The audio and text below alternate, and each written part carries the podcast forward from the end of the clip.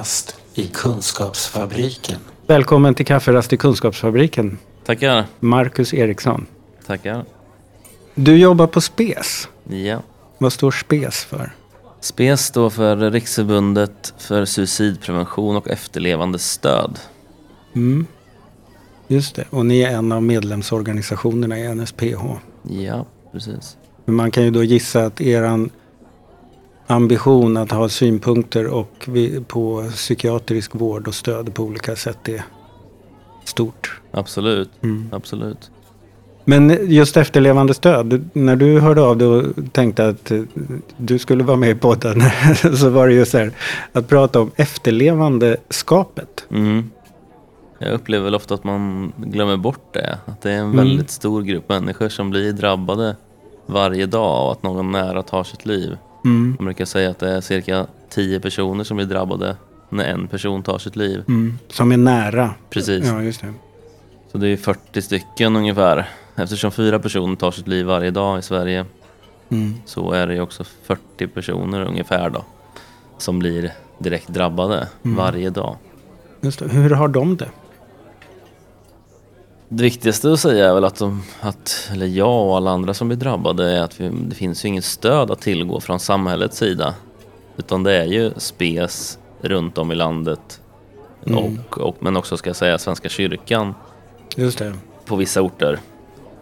Så det är ju det stödet man får. Man får, alltså man får alltså inget stöd från vad ska man säga, samhällets sida. Det finns liksom ingen funktion som Som, Som- rycker in när det där har hänt. precis, som i mitt fall när min pappa tog sitt liv 2010 så det var tydligt för mig också att det finns inget stöd att få. Ja. Man får liksom klara sig själv. Och det är väldigt olyckligt eftersom efterlevande ingår ju liksom i en riskgrupp för att själva drabbas av psykisk ohälsa också. Nu har jag jobbat ett år inom SPES och har träffat väldigt många efterlevande och det blir ju liksom eh, väl slående tydligt att, att det är, det är mm, väldigt, väldigt jobbigt att, att eh, vara efterlevande och man bär på skuldkänslor, man bär på skam. Dels liksom att man tar på sig mycket av skulden själv i många fall, tyvärr. Men också att samhället lägger en, en, liksom, en, en börda på en som efterlevande. Vad är den bördan som samhället öser på? Jag upplever att en, många jag har träffat pratar om en, en, att en dubbel sorg. Att man först drabbas av att en nära tar sitt liv, vilket är en väldigt liksom, traumatisk upplevelse. Men sen också när man kommer ut och ska, vad ska man säga, in, in i livet igen och börja leva, då upplever många att man, personer som tidigare hälsat på en på stan går över på andra Aha. sidan gatan, går på andra sidan fruktdisken på affären. Att man går runt med den där liksom auran som skrämmer bort. Precis, att, det- men det har ju att göra med, tänker jag, att vi inte, liksom, vi är inte bekväma att prata om det här. Först och främst är vi inte bekväma att prata om döden överhuvudtaget. Och sen det här, det här sättet att dö på skrämmer ju ännu mer. Vi får liksom inte med oss någonting från uppväxten i skolan till exempel. Vi pratar inte om de här bitarna och det, jag märker ju också att det är väldigt många som har väldigt, väldigt svårt att prata om det. Och det är inte lätt ska man säga, men vi måste våga gå fram och fråga hur någon mår. Dels som mår dåligt själv men också som har drabbats. Ja, just Att det. någon tagit sitt liv. Ehm, funderade du någonsin på, efter att din pappa hade tagit livet av sig, att, att ljuga om det? Nej, inte en sekund faktiskt. Jag hade väl fördelen där att jag och min bror var väldigt, min bror på pappas sida då, han är nio år äldre än mig. Och vi var väldigt, det var väldigt enkelt för oss egentligen att när vi kom till begravningsbyrån i Karlskoga så fick vi ett väldigt bra bemötande ska jag säga. Men sen också att vi, var, vi ville liksom att pengarna som, när man gör en, när någon dör så gör man ju en dödsannons. Mm. Och i det här fallet skulle den ut i Karlskoga Tidning. Och ehm, vi beslutade oss att vi ville ha en organisation. Man skulle skänka pengar till en organisation som jobbar med det här. Och då fick vi hjälp där på begravningsbyrån och då föll valet på SPES. Mm. Och vi satte i, i tidningen där, den var med i dödsannonsen. Och, men vi fick ju höra direkt att, att ehm, men då, är ni, då vet ni också att alla i Karlskoga kommer veta att, att eh, din pappa Conny tog sitt liv. Bara, ja, ja, men det, just det här att det är ingenting att skämmas för, den inställningen hade vi från början. Men det handlar också om att jag och brorsan har ju båda haft psykisk ohälsa själva och upplevt Mm. det och levt med det. Eller lever med det ska man väl säga. I mitt fall. Ehm, så det är liksom ingenting, det var inget konstigt för oss. Nej. Men det är ju väldigt laddat. Det fanns redan i ert samtal med varandra. Precis, precis. Mm. Mm. Ehm, bara efter det, så, ja, då, det var så du fick kontakt med Spes alltså? Det var där jag fick kontakt Mm. med Spes första gången jag fick veta om att Spes fanns. Och det var ju, och det är så vi vill jobba inom Spes också, att eh, vi tittar ju på det här vart liksom, vart hamnar man? Alla kommer till begravningsbyrån när Mm. någon har dött. Och då måste ju vår information, information om att vi finns, finnas på till exempel begravningsbyrån. Finnas hos polisen. Att eh, präster som är med och lämnar dödsbesked vet om att vi finns. Mm. Men i mitt fall som du sa så var det så att jag ehm, fick tips om spes och sen när jag hade varit i Karlskoga en månad efter begravning och allt det här och allt var klart så fick jag kontakt med spes i Göteborg, gick på samtalsträffar, gjorde ju det i tre års tid Okej. ungefär. Mm. Och sen så började jag engagera mig i 2000, slutet på 2014. Hur hjälpte det dig det här med Spes själva rent praktiska verksamhet då, med träffar och sånt där? Ja men det kommer jag aldrig glömma när jag kom in där första gången. Vi gick tillsammans, jag och brorsan då. Och ehm, bara den här känslan att komma in i ett rum. Man var ju väldigt nervös innan, Mm. vilket många är. Det är en väldigt stor steg att ta liksom. Man kommer in i ett rum och så sitter det tio personer som man vet att alla här inne vet vad jag bär på och vet Mm. vad jag går igenom. Det var väldigt speciellt och väldigt, väldigt starkt och viktigt. Det gjorde liksom att jag kunde börja bearbeta och för egen del så märkte jag ganska snart också att jag kunde stötta andra. Jag Mm. tror jag tänkte lite annorlunda än vad många gör. att Vad ska jag säga? Alltså, jag, Jag, tänker för att bland de där andra tio som var där mm, så var ju du en, en av tio också. precis, ja, men det, ja, precis. Ja, det, det Mm. var jag. Ehm, men just att jag tänkte, alltså, dels har burit på egen psykisk ohälsa när jag gick i gymnasiet, drabbades av depression. Så jag hade någonstans också en förståelse för att, att det tyvärr kan gå så här. Liksom. Mm. Och det där hjälpte tror jag en del. Tyckte jag att jag märkte i alla fall. Och det gav mig också sen styrka när jag kände mig bearbetad nog att hjälpa andra. Att jag kände, det var inga alternativ för mig att inte stötta andra utan det vart liksom det var Ah, fullt ja. naturligt för mig att sen gå över från att själv Det är som in, in och utandning på något vis. Ja, precis. Mm. Och det var en väldigt speciell känsla också när man känner att, att man kan göra någonting för andra. Mm. Den, den känslan är också väldigt stark. Mm. Men framförallt det här första mötet när jag kom till Spes, min första kontakt med Spes, jättebra mottagande i Göteborg där. Och sen så att jag, nej men det kändes bara tryggt liksom och man kunde vara där hur länge man ville. Så det var, det var liksom, det gjorde väl allt för mig då egentligen. Är det en ideell verksamhet där eller får den bidrag någonstans ifrån? Eller? Eh, ja, vi får ju bidrag från Folkhälsomyndigheten och Socialstyrelsen och sen från några stiftelser och sådär Mm. där vi söker pengar ifrån. Men det som är viktigt att poängtera är att SPES drivs ju till 99,9 procent av ideella krafter runt om i landet som gör ett otroligt viktigt jobb. Utan alla de här människorna skulle inte SPES existera. Mm. SPES har funnits sedan eh, 1987, så 30, 32 år är nästa år. Och ehm, har ju drivits ideellt egentligen hela tiden. Så det är först 2017 som jag kunde bli anställd och även två till personer och sen några som är arvoderade och sådär på, på Just riksnivå. Då.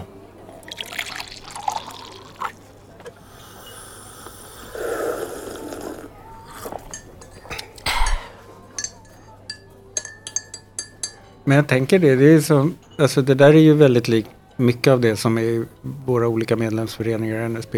Just det här att grundstyrkan är det där att här, här har vi samlats ett gäng som kan känna igen oss i varandra och förstå och därmed liksom växa och, och lägga bakom oss och, och bearbeta och sånt där. Och att det på, på det viset är en så enkel pedagogik eller en enkel twist eller metod. Det blir så konstigt då när man tänker att men varför tillhandahåller inte samhället det här så att alla som drabbas av att någon anhörig begår självmord självklart kan liksom, det ska inte gå att missa det på något Nej. sätt. Det är, Nej. Mm. Det är väldigt märkligt att, att man inte liksom, dels så kan, är det märkligt att man inte ger mer pengar, för pengar gör ju skillnad Mm. för oss som organisation att kunna växa och, och utveckla verksamheten självklart. Och ehm, eh, vi får eh, en miljon från cirka från Folkhälsomyndigheten, regeringen Mm. enkelt översatt. Just det, för er har det ju varit speciellt att eftersom ni jobbar med efterlevande så kan, kan ni, faller ni inte innanför ramarna för vad som anses vara en patientorganisation eller en handikapporganisation på det viset. Nej, Och, för, och ni missar därmed en del möjligheter att söka vissa statsbidrag och sådär. Ja, precis. Jag vet inte riktigt alla turer där. Mm. Eh, Men just att vi får höra ibland att men, du är ju inte anhörig. Din Nej. anhörig lever ju inte. Alltså, Nej, just Så det. att man- Ja, mm, det, är, nej, det är väldigt konstigt ja. att man inte har...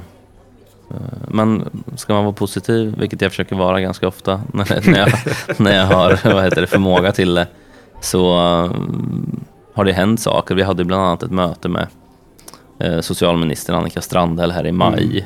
tillsammans med, ja, ni var ju också inbjudna från Mm. NSPH, Suicidprevention i Väst, Mind, Suicide Zero och NASP Mm. och hade ett jättebra möte med henne där och efter det mötet så kom ju det här att det, det skjuts till extra pengar. Så det händer ju saker, men det är ju alldeles för lite pengar och det krävs ju också att någon på högsta nivå i Sverige är ansvarig för det här, de här frågorna och driver de här frågorna för att få ner självmordstalen. Alltså. Mm, Och det, det. Ja, och det säger ju någonting om, om det här liksom att vara intressepolitiskt aktiv som våra organisationer är. Att det är ju liksom också lite random, som vi säger på svenska. Eh, vad det är som får saker att förändras. Och, och ibland kan det vara ett möte hos Strandhäll och ibland kan det vara någonting annat och ibland är det ett långt och gediget arbete med mycket underlag och bra påverkan som man får saker att hända. Men ibl- ibland så känns det ju lite så här hipp som happ. ja, det känns lite som att slumpen avgör ibland. liksom. precis. Men vi jobbar ju också med i samarbeten med andra organisationer som nu till exempel så har vi haft i Stockholm här eh, Stör döden-kampanjen som riktar sig till män och pojkar. Mm. Uppmärksamma den problematiken med att tusen män och pojkar tar sitt liv varje år. Just det. Så mm, vi Och försöker ju samarbeta mycket med andra Då organisationer är det Suicide Zero och, och och Mind Mind Och. Spes då. Och Spes. som gör det här ihop finansierat av Stockholms läns landsting. Okej, jaha, det är en Stockholmskampanj. Jag ja precis, det är en Stockholmskampanj ja. Det är så jobbigt att bo i Stockholm för att allt som händer här så tror man att det är riks. Ja, ja precis. Och det är det inte. Tunnelbanan är inte en nationell angelägenhet. Nej, precis. Mm. Men eh, man jobbar ju också på nu att få den här kampanjen och sprida den och, Mm. och for, att den ska fortsätta för det är väldigt viktigt. Men det jag skulle säga var att vi jobbar liksom med sådana saker. Vi jobbar med, börjar lite med att föreläsa också, vara ute och berätta våra historier Mm. och, och berätta. För samhället behöver kunskap om det Mm. här eh, ämnet och det var som jag var inne på förut att det är anmärkningsvärt att man inte har 2018 inte har börjat och, och ha det här som ett ämne i läroplanen än. Liksom. Men det är många andra organisationer som jobbar hårt för det och vi stöttar det. Liksom. Ja, nu senast var det väl Tilia som hade ett upprop kring det där. Precis. För mig är det ganska logiskt att om man börjar i skolan och prata om de här och gör barn och unga trygga med att prata om det här. Och Mm. Hur kan jag prata med min kompis som mår dåligt? Mm. Men det som drabbade mig, alltså min egen erfarenhet, det är att när jag gick in i en depression i ettan, tvåan på gymnasiet, då det stora problemet för mig var att jag var så jäkla rädd Mm. för vad är det som håller på att hända med Mm. mig? Håller jag på att bli galen liksom? Eller Det vad? där känner jag igen också. vad, vad händer? Och det där är så otroligt farligt. Men Jag tror till och med att om man liksom får kunskap om det, att hur kan du reagera, hur kan, hur kan, hur kan du reagera när du går in i en depression till Mm. exempel? Bara att veta om det, även fast det är svårt att se hur man själv beter sig när man är i en Mm. depression så kan man ha stor nytta utav och ja just det, alltså det här är ett tecken på, Ja. alltså också kunna, då kan man få hjälp att själv söka hjälp också. Ja, men jag tänker på det. Alltså, alla vet ju idag att om man blir eh, biten av en fästing och så tar man bort den och sen blir det en ring runt efter en Mm. vecka. Då vet man att man behöver gå till doktorn. Mm. Men vad är kännetecknen för de där andra sakerna? Eh, vad är det man ska vara uppmärksam på? Mm. Det man informerar mycket om idag det är ju liksom att, eh, jag brukar säga det också att ehm, allt som inte är normalt för den här personen, eller sån här, alltså ett, ett beteende som Mm. eh, frångår det normala för den här personen är att, liksom, att, att ta på allvar, är ett liksom varningstecken. Det finns så otroligt mycket olika varningstecken som man kan titta efter. Det är svårt att ena så här exakta Mm. för varje, det är så unikt för varje person också. Men eh, bara det här som att liksom också våga fråga när man märker att någon, eller kanske till och med vet om, jag har varit med om det själv, jag vet om att någon mår dåligt i min närhet. Men det är, vi måste ju också Mm. våga prata om att det är svårt att fråga. Men när du har frågat någon till exempel, har, har, har du haft självmordstankar eller har du självmordstankar nu? Om man vet att det är väldigt jobbigt för någon, då det, det liksom, man övar sig själv på att fråga också. Har du frågat det tre gånger, fyra gånger, då blir det lättare också för mig att fråga någon Mm. som jag vet mår Just det. dåligt. Det är precis så. Men också det här att, alltså, det kan ju vara så att den här personen som mår dåligt är i en, i en, vad ska man säga, i en dålig period att, och får den frågan, har du haft självmordstankar till exempel? Det kan ju vara så att den personen inte vill prata om det. Men då har man i alla fall sått ett frö att Mm. Det är okej att prata med mig om det här. Här är det öppet om du Precis. vill. Ja, just det. Och det är vi ju Mm. extremt dåliga på som Ja. medmänniskor skulle jag säga. Att visa det. Mm. Gå före liksom. Mm. Men jag tror också att vi måste våga prata om att det är, för det blir lätt när vi pratar om det här, upplever jag som jobbar i det här hela dagarna, liksom, att vi får det låta så enkelt. Mm. Men om det vore enkelt så skulle ju alla i hela världen Det göra det. behövdes ni inte. Nej, Nej, det. precis. Så att man måste också våga säga att det är komplicerat och det är inte enkelt, men våga göra det. Du övar också dig själv på att fråga någon och finnas för någon.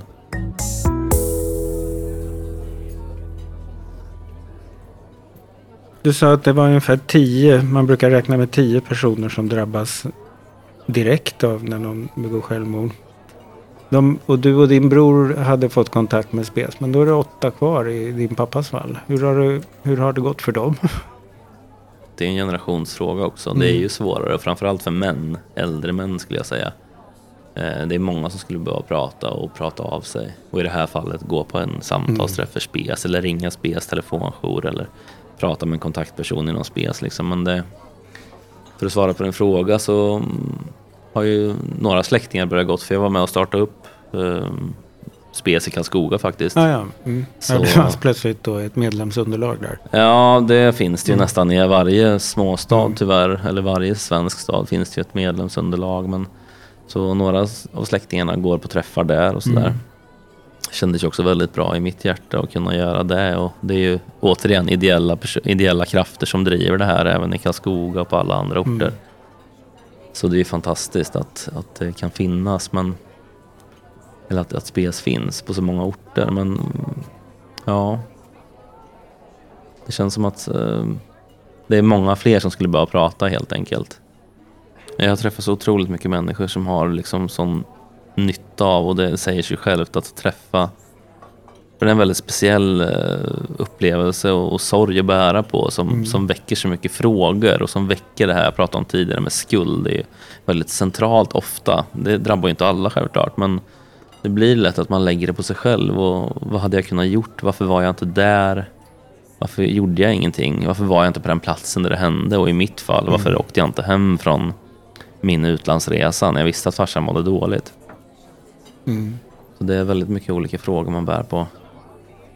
Och så man måste hitta ett sätt att bära. Ja, absolut. Mm. Och där kan det hjälpa väldigt mycket. Och det var det som jag kände att det jag bar på, eftersom jag inte, jag lyckades av någon anledning hålla mig ifrån de värsta skuldkänslorna när jag drabbades.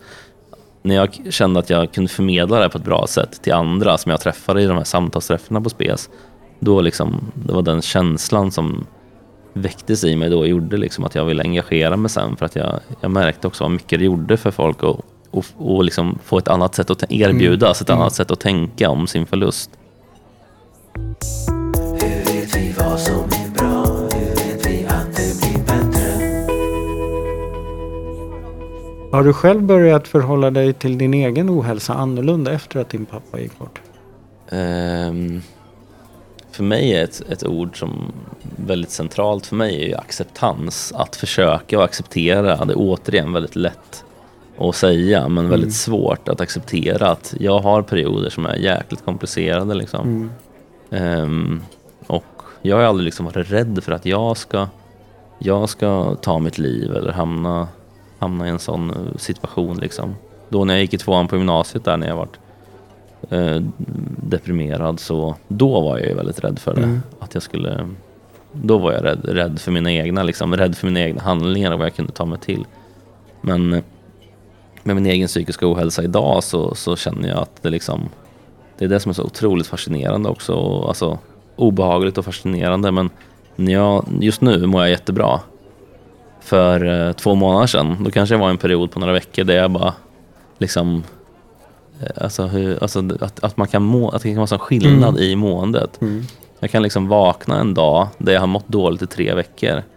Och så känner jag bara när jag vaknar att nu finns inte de där tankarna längre. Den där oron finns inte. Ehm, så det, det är, jag har ju gått i mycket terapi också. Ehm, Men när du sa acceptera, har du liksom börjat vänja dig vid att de där perioderna kommer och så får de väl vara där då? ja, det handlar, ju, det handlar ju mycket om det. Att, eh, jag har ju som sagt var gått i mycket terapi. Senaste terapin var Mm. KBT. Och där liksom handlar det mycket om, för min del handlar det mycket om tvångstankar och tvångsbeteende. Som jag tänker också kommer sig ifrån liksom, Mm. det jag varit med om. Morsan vart sjuk tidigt och det, allt som hände med farsan. Det har varit mycket liksom, tunga Mm. förluster. Och det har, ohälsan har kommit med dem liksom, på något sätt. De har ju, Mm. Det har ju självklart funnits där men, men jag känner att, att jag accepterar att till exempel en tvångstanke finns inom mig liksom, när de är väldigt centrala i mitt liv. Det, det, det, det är otroligt jobbiga perioder men det hjälper ju ändå. Men det är på något sätt, inbillar jag mig, lättare att skita i dem då och inte triggas igång av dem om man säger att den är där. Ja. Än om man försöker att låtsas att den inte är där. Nej, precis. Det är, men det är en, konst, en konstform som är väldigt svår att, att bemästra. Alltså det, Vi borde ha VM med det. ja, Mm. det, mm, det är ganska skönt också att prata om det här. Alltså att prata om sin egen ohälsa och bara säga att eh, jag har liksom, jag Mm. lider av tvångstankar i, i, i perioder. Det, Mm. det har jag inte sagt någon gång. Liksom. Nu sitter vi och pratar här i en podd liksom, och Mm. det är speciellt att säga det. Men det är väldigt skönt också. Jag vet, jag var faktiskt på ett föredrag, jag tror det var i em, Göteborg förra året. Då var det en kille i 16-årsåldern som stod där och pratade. Det var, det var Järnkoll, deras Mm. unga ambassadörer. Och han började prata om sina, sina tvångstankar och sin OCD liksom. Och jag började ju storgråta liksom för att det var så jäkla starkt att höra någon annan Mm. som är liksom, ja jag är gammal gubbe här snart men liksom 15 år yngre än en själv stå och berätta om det här och vilken mod och vad det liksom, vad, det, vad laddat det var och Mm. det, det släppte liksom allting Mm. för mig då så jag bestämde mig väl där och då liksom inte vara, nu är inte jag någon världsmästare på att prata om prata om mina egna problem men det är skönt att göra det faktiskt. Att alla har vi våra svårigheter.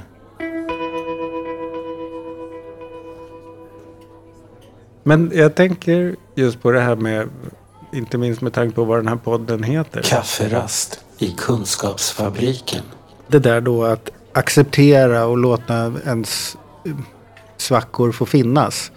Dels så tror jag att de krymper automatiskt av det. Men att det också blir att det blir någon slags skicklighet i att hantera eller att leva med sin både hälsa och ohälsa på ett sätt som, som man kan vara lite stolt över. Mm. Det där att, jo men jag har sådana här mörker som drar igenom mig. Eh, det är förfärligt men jag vet hur de funkar liksom, på något sätt. Jag skulle, vilja, jag skulle inte vilja vara utan det liksom, för då skulle inte jag vara jag. Och det ger en ju så mycket också att ha dåliga perioder och det gav mig så himla mycket att själv ha mått dåligt när farsan tog sitt liv. Mm. För jag har en förstå, hade en förståelse för att det kan gå så här. Det, tyvärr kan det vara en, en dödlig utgång om man inte får hjälp och inte söker hjälp eller ja, om man inte, om man inte blir behandlad när man mår riktigt dåligt. Så Mm. ja, men det, det är en styrka absolut och, och känna att man kan klara av det. Mm. Men alltså, jag har sån respekt för det här perioderna man är i ibland att då ser jag inte det här. Då Nej. är det, inget, då är det inte coolt eller skönt för fem öre. Då är det bara vidrigt. Men du har ändå en aning om att det inte det enda sättet du kan må på. Nej, Även, om, precis. även om det, du, det upptar hela dig då. Mm. Men du vet ju också att ja, det kommer och går. Mm. Och jag väntar på den dagen då, Ja, det, då jag vaknar upp och det, den känslan Mm. inte finns längre. Just det. Det är också lite obehagligt att man inte att har en känsla av att man inte styr över det själv. Men jag tror år för år också, månad för månad så blir man bättre på att hantera det där. Men det är också ganska mycket i livet som man inte styr över. Liksom. Ja. Alltså, allt från triviala saker Mm. till svåra saker. Och sin egen hälsa är ju en svår sak. Mm. Men- Och sen om den psykiska ohälsan handlar om kontroll också, då blir det ju, då blir det ju väldigt ja, då blir det komplicerat. ännu liksom. svårare. Ja, just det. Och det är jag väl ganska duktig på, att försöka hålla kontroll på saker och ting. Liksom. det. Meta-ohälsa. Mm. Det. Du, vad trevligt att ha dig här. Ja, detsamma. Mm. Tack för att jag fick komma. Ibland lönar det sig att höra av sig till oss och säga att jag tycker du borde ta med mig i podden. Ja, men det är så jag är. Det är så jag jobbar. Jag, jag tjat, tjatar mig in. Ja, just det. det gjorde du rätt i. Ja, det är bra. Vi hörs. Tack. Vill du veta mer om SPES och om deras verksamheter på olika platser i landet? Titta på deras hemsida www.spes.se.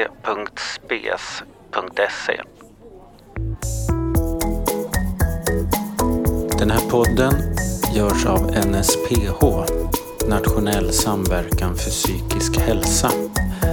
Läs mer på vår hemsida www.nsph.se eller följ oss på Facebook, Kafferast i Kunskapsfabriken.